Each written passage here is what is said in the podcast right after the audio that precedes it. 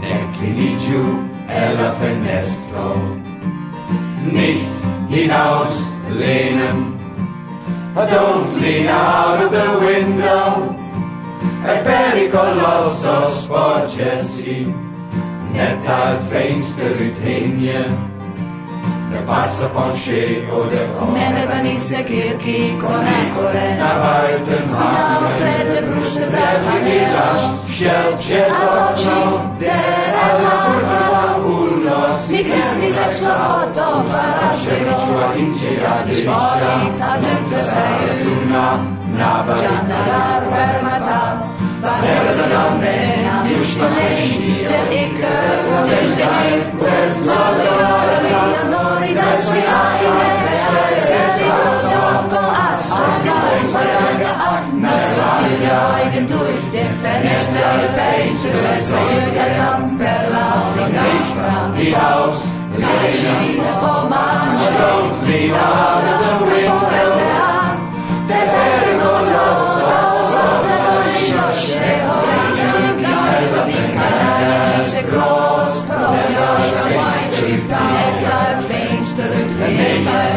He knows. in Hinaus. Geloof in alles zo wil. Het werkt al als als het al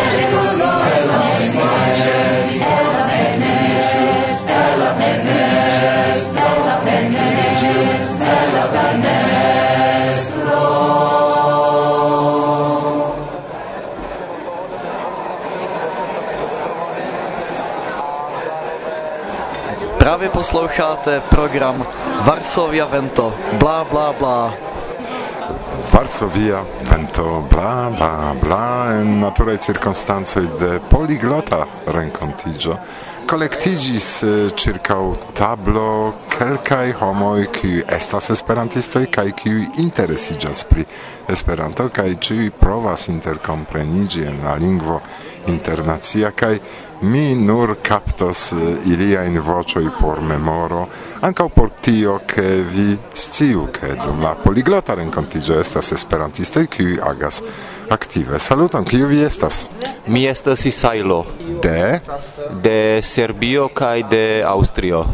Saluton, mi estas Raja, mi loĝas en Britio kaj origine mi estas el Bulgario. Mi? Ah, mi estas ĉi tie tute hazarde, mi ŝasis la vojon por la manĝejo. Aha, li ne desiras presentigi, sed li estas hazarde. Kai ci tie mia bona amico, presentigiu nur, char tiel comencigios nia rapporto pri la poliglota rencontigio. Do, saluton, mi estas eh, Michael Boris Mandirola, Europa Esperantisto, poligloto, tre gioia esti ci tie kai retrovi geamikoin de Varsovia vento. Bla bla bla.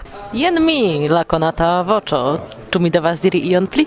Mi estas Aleksandra, mi lernas Esperanton. Mi estas de Hamburgo. Mi nomiĝas Alisa i mi estas de Israelo. Saluton, mi estas Zeram, uh, eh, mi loĝas eh, en Varsovia. Kaj vi?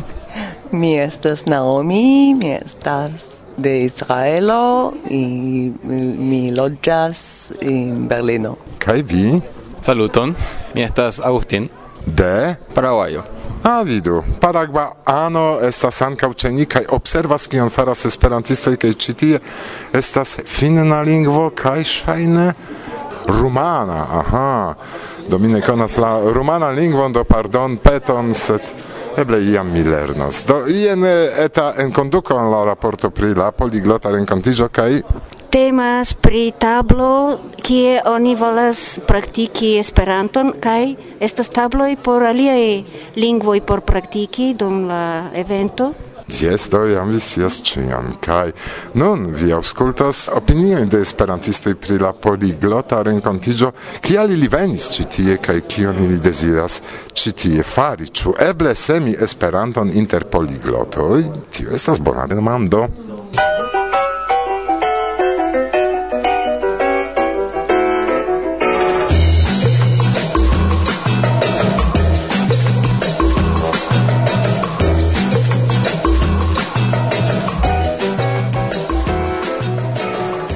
Zoldarik, Čechio.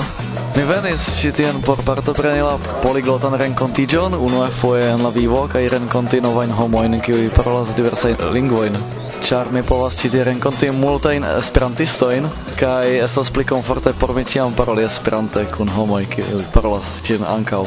Kaj generale estas ĉiam agrable renkonti ankaŭ malnovajn amikojn kaj ĉi tie mi povas ankaŭ renkonti ilin. Generale la aranĝo estas ege bona, ĝi ege similas al la renkontiĝoj kiujn mi konas de Esperantujo kaj mi ankaŭ povas ĉi tie renkonti ĝuste kaj novajn homojn kaj malnovajn homojn kaj paroli ankaŭ en Esperanto sed ankaŭ en aliaj lingvoj. Ekzemple la germanan mi ĉi tie multe praktikis sed ankaŭ mi povas ĉi tie renkonti homojn kiuj lernas la ĉeĥan mian denaskan lingvon kiel ilian duan aŭ trian aŭ kvaran lingvon kaj tio estas ankaŭ bele vidi aŭ ankaŭ aliajn lingvojn kiujn mi ne regas tiom bone sed mi povas povas praktiki aŭ trovi novajn informojn aŭ opiniojn pri la situacio aŭ rekomendojn pri la kaj lingvolernado aŭ trovi novajn kontaktojn ĝenerale. Ĉi tie mi renkontis tiom multe da Esperanto parolantojn circa dudek fluai parolantoj kai poste mi ankaŭ renkontis ege multe da homojn kiuj almenaŭ iomete regis Esperanton sed eĉ se ili ne kapablis flue ĝin paroli tiu estas sufiĉe multaj sed ankaŭ mi ne povis renkonti ĉiujn partoprenantojn ĉar la aranĝo estas vere sufiĉe granda. Se vi havas la oportunon kaj ŝatas lingvojn aŭ koni novajn homojn el diversaj landoj, do poliglota renkontiĝo certe estas bona loko por fari tion.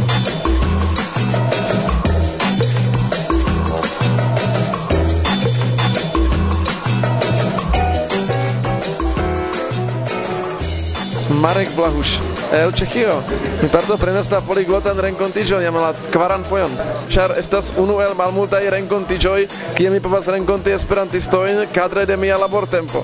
Esperantistoj ĉi tie partoprenas, eh, parolas aliajn lingvojn ankaŭ krom Esperanto kaj eh, montras per sia ĉeesto tion, ke Esperanto estas lingvo populara kaj normala kaj aliaj nature interesiĝas. Ĉi tie ne estas homoj kiuj ne kredas ke Esperanto ne eblas paroli, sed estas homoj kiuj ankoraŭ ne provis ĝin lerni aŭ paroli kaj se ĝi ĉeestas kaj ĉeestas multe kaj organizanto estas esperantistoj ankaŭ aliaj homoj ekscias nature pri ĝi kaj sekvajare eble jam venas kun Esperanta flago sur la ŝildo.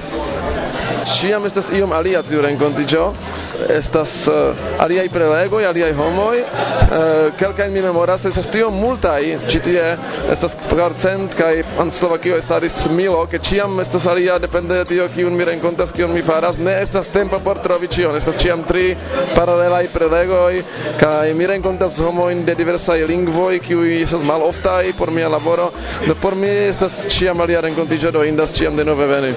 Mi deziras saluti ĉiujn esperantistojn, kiujn mi dum lastaj jaroj ne povis renkonti renkonti ĉu pro la pandemio, ĉu pro mia okupiteco pri familio, kaj mi esperas ke ni renkontiĝos denove kaj kun tiuj kiuj mi ne konas, ke ni konatiĝos ankoraŭ kiam eh, estos sekva okazo por tio. Mi loĝas en Brno, aŭ tre proksime de la urbo en Brno en Ĉeĥio. Eh, mi gastigas per pasporta servo do ĉiu kiu veturas al Ĉeĥio kaj ĉefe la orienta parto povas nin viziti. Ni havas hejme tri infanojn kiuj parolas Esperanton kaj volonte parolos ankaŭ kun vi. Mi povas helpi pri esperantigi nian hejmon kaj mi volonte montros al vi la regionon.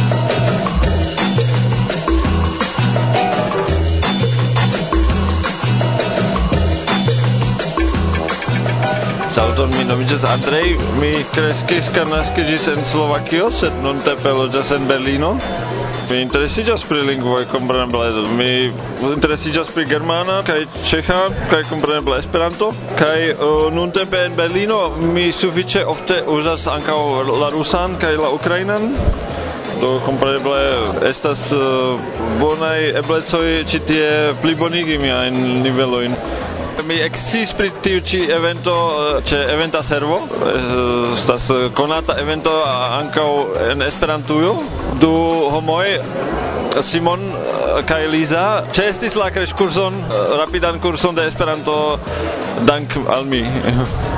Kompreneble oni devas tion fari ne tro forte, eh, set eh, jes mal malrapide tio povas disvastigi la mesaĝon de Esperanto kaj la ideon.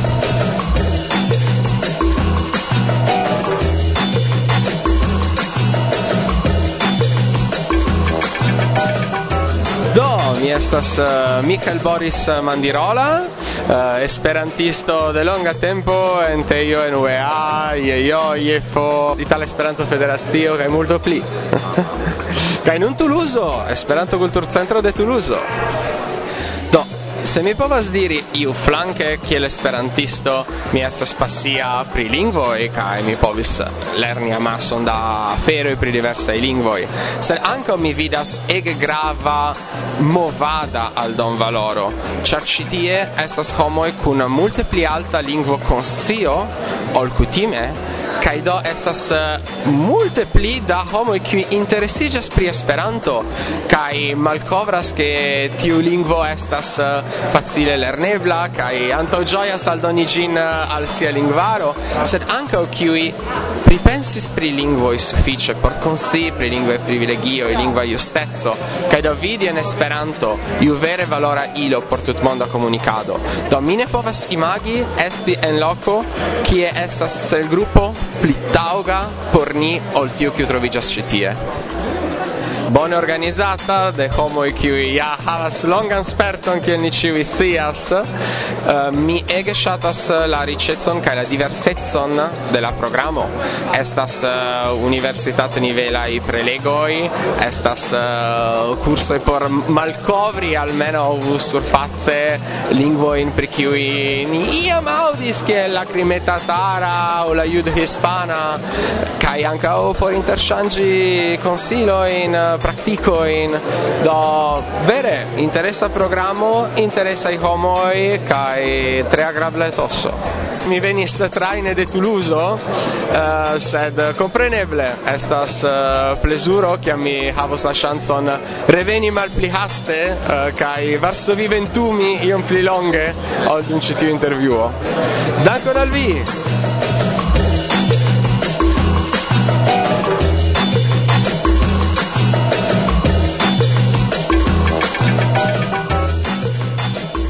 Saluton, mi estas Petro, au Peter Balaŝ, kai mi estas, eblas diri, chef organizanto de Poliglota Conveno, evento kiu nun jam duan fojon okazas apud Varsovio en la urbeto Tereŝin. Ni havis ciare kvarcent sesdek el kvindek sep kai fine alvenis tricent naudek du partoprenantoj, uh, kio estas do post-covida rekordo, ĉar venis pli da homo ol pasintiare, kai ni esperas ke venontiare estos eĉ pli, kai ni baldau dum la solena fermo urbanismo mal cachos eventuale la eblan estontan urbon kai landon kie ĝi okazos.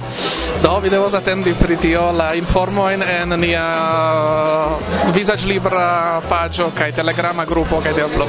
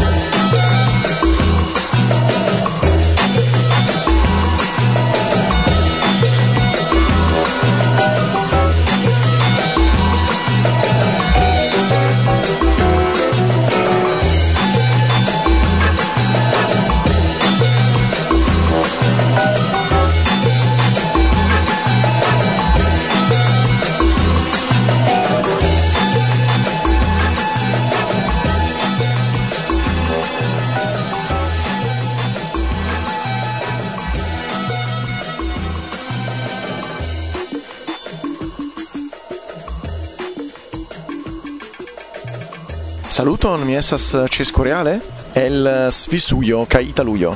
Kion vi faras ĉi tie? Mi estas en eh, poliglota kunveno, kiel partoprenanto nun mi eĉ estis fakte kunorganizanto dum ses jaroj aŭ iom pli. Kiaj estas viaj impresoj pri la evento de la esperantista vidpunkto? Tre bona, ĉar estas organizata de esperantistoj en esperanta maniero la senso che la fondinto i Judith Mayer, Chuck Smith kai mm, Martin Savitsky estas esperantistoj kaj kopiis iom multajn ideojn eh, de de esperantaj festivaloj do kiel oni diras en la greka tragedio eh, estas unueco de eh, loko de tempo kaj de ago. Do tio signifas ke ni estas ĉiuj kune en la sama hotelo ni manĝas kune. Do estas vere granda interŝanĝo malsame ol aliaj eventoj eh, kio estas eh, eble pli akademiaj pli profesiaj sed estas iom malpli da eh, homa kontakto. Rakontu pri via projekto. Um, do mi creis eh, Svisa Asocion, eh, kiu nomigas Komunikon, do comunichi pere de iconoi comunicon.com kai ni creas eh, kai creis eh, iconan lingvon do kiel diri iconan esperanton se vi volas. Estas projekto inter hieroglifoi cina lingvo esperanto blis eh, kai aliai vidlingoi hodiau estas emojioi qui pli kai pli estas usatai kai conatai oni diras ec estas la unua lingvo de la mondo la plej usata lingvo de la mondo. Sed ili ne estas fakte lingvo. Do ni creas lingvon iconan enkiu oni povas esprimi cion fakte eh, ĉar estas kompleta gramatiko estas genro partoj de la nomoj adjektivoj kotopo pluralo eh, do estas ĉiuj gramatikaĵoj estas korelativoj. Cio en vida formo sen senrilate al fonetico do esas pensita kiel internacia scriba lingvo che esas pure semantica Ĉu estas multaj uzantoj? Uh, ni ankoraŭ ne pretas por havi uzantojn.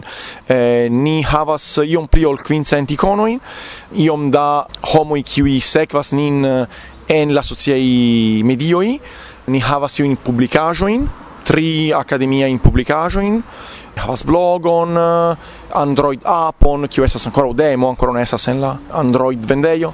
Tamen ankoraŭ ne estas pretai por havi vere uzantojn, ankoraŭ disvolvigas la iloin. Ĉu la paĝaro ankaŭ eblas en Esperanto? Estas en Esperanto ankaŭ, jes, kompreneble estas en sep lingvoj inkluzive de Esperanto. Ĉu vi serĉas kun laboranto eble por la projekto? Jes, ni estas jam eh, ses teamoj eh, lingvistoj, grafikistoj, eh, informatikistoi, komunikistoi, strategistoi kaj juristoj. Ni estas eh, pli ol 30 homoj.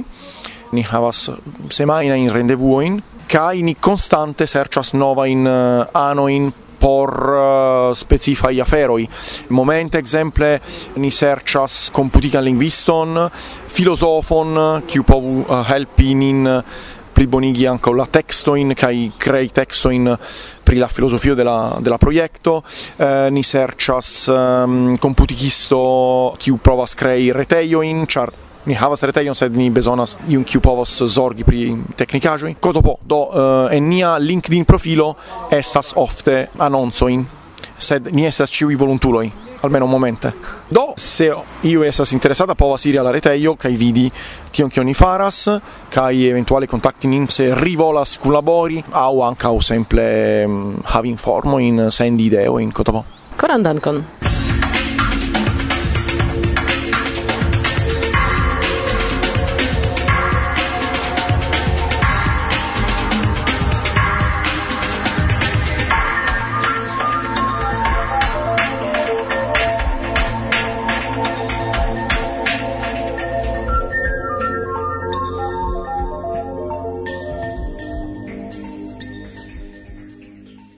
ascoltando l'emissione di Varsovia Vento. Saluton, jen bonaj novaĵoj de la muzika mondo. Vinil Cosmo jam alkutimigis nin, ke ciu monate aperas nova disco de Esperanta stelulo. En majo venis tempo por konataj kaj amataj Martin kaj la talpoj. Se ia maniere eblas, ke vi ankoraŭ ne konas Martin, mi diros, ke li iam estis membro de rockbando persone – kai poste fondis li novan bandon nomatan giuste Martin kai la Talpoi, kies unua albumo aperis en 2007. Malgranda reklamo, unu canto el la unua albumo aperis kun subtextoi kai filmo ce YouTube de Varsovia Vento. Sed ni revenu al la temo, char aperis jam la tria albumo nomata Vestigioi, Gi consistas el ses pezoi en bone reconebla stilo de sendependa poproko. Martin kreis muzikon, creis vortoin, cae ciu registris sien partoin heime, cae poste Martin mixis tion mem. Impresa, ciu ne? Tiu ci albumo estas elektra kaj intensa, kun plena rock bando. Se vi preferas pli subtilan flankon de Martin, gioigos vin informo ke registriĝo de akustika albumo ancau jam comencigis. Set nun ni gio elektran energion. Por vi! canto La Vero de Martin Caila Talpoi.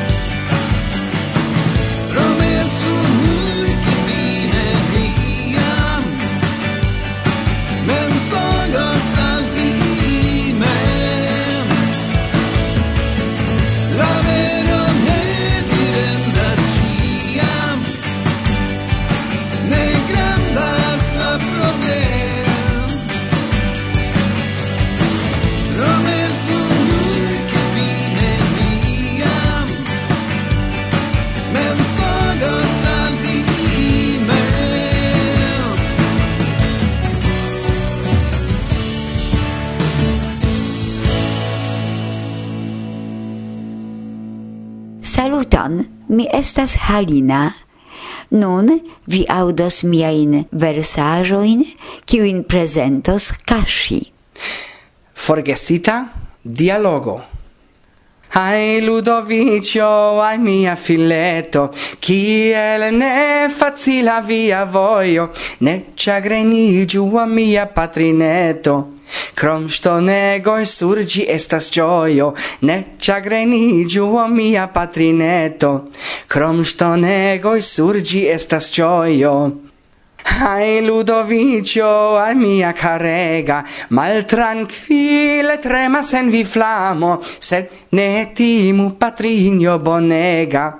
Tiel ardas cio pova amo, sed ne timu patrinio bonega tiel ardas cio pova amo.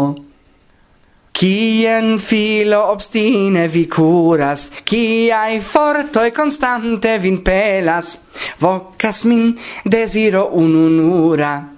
Kio verde super mondo stelas? Vocas min desiro ununura. Kio verde super mondo stelas?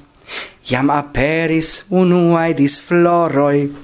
Maturigas unuae esperoi, char fascinas ciun noblain coroin, comun vorte el diratae veroi.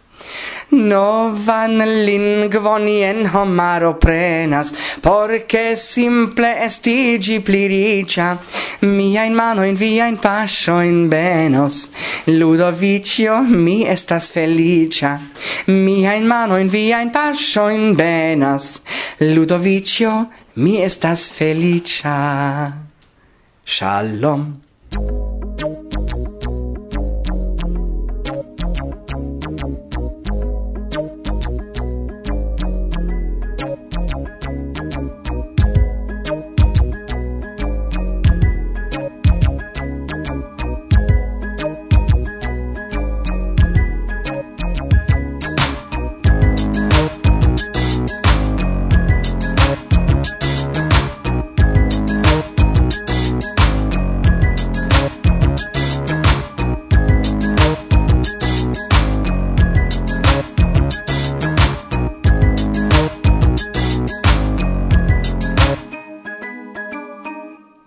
Varsovia vento.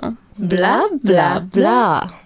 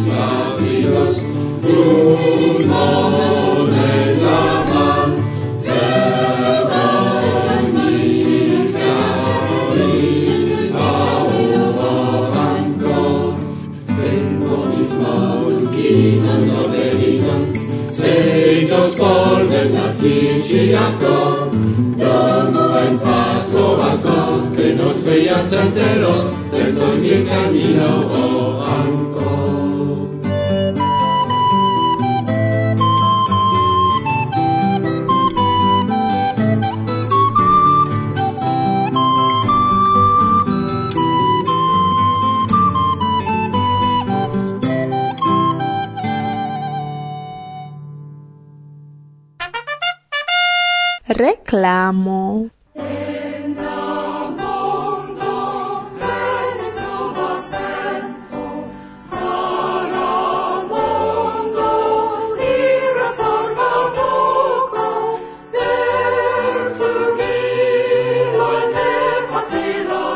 サルトンにアソツイオエイポアエスペラントポプラリーガアソツイオラサトリータオルガニーゾデヤパーナシントワレリギーオオモトフェストスセントヤリージョンにおかじいごすらせんとやらメモルエベントンデラフォンディージョでエポアデラディククビーナジスラディクオーカでセプテンブロエンカメオーカグベルニーオキヨートヤパニーオインフォルモイアペラスエンフェイスブーカパージョでエポア。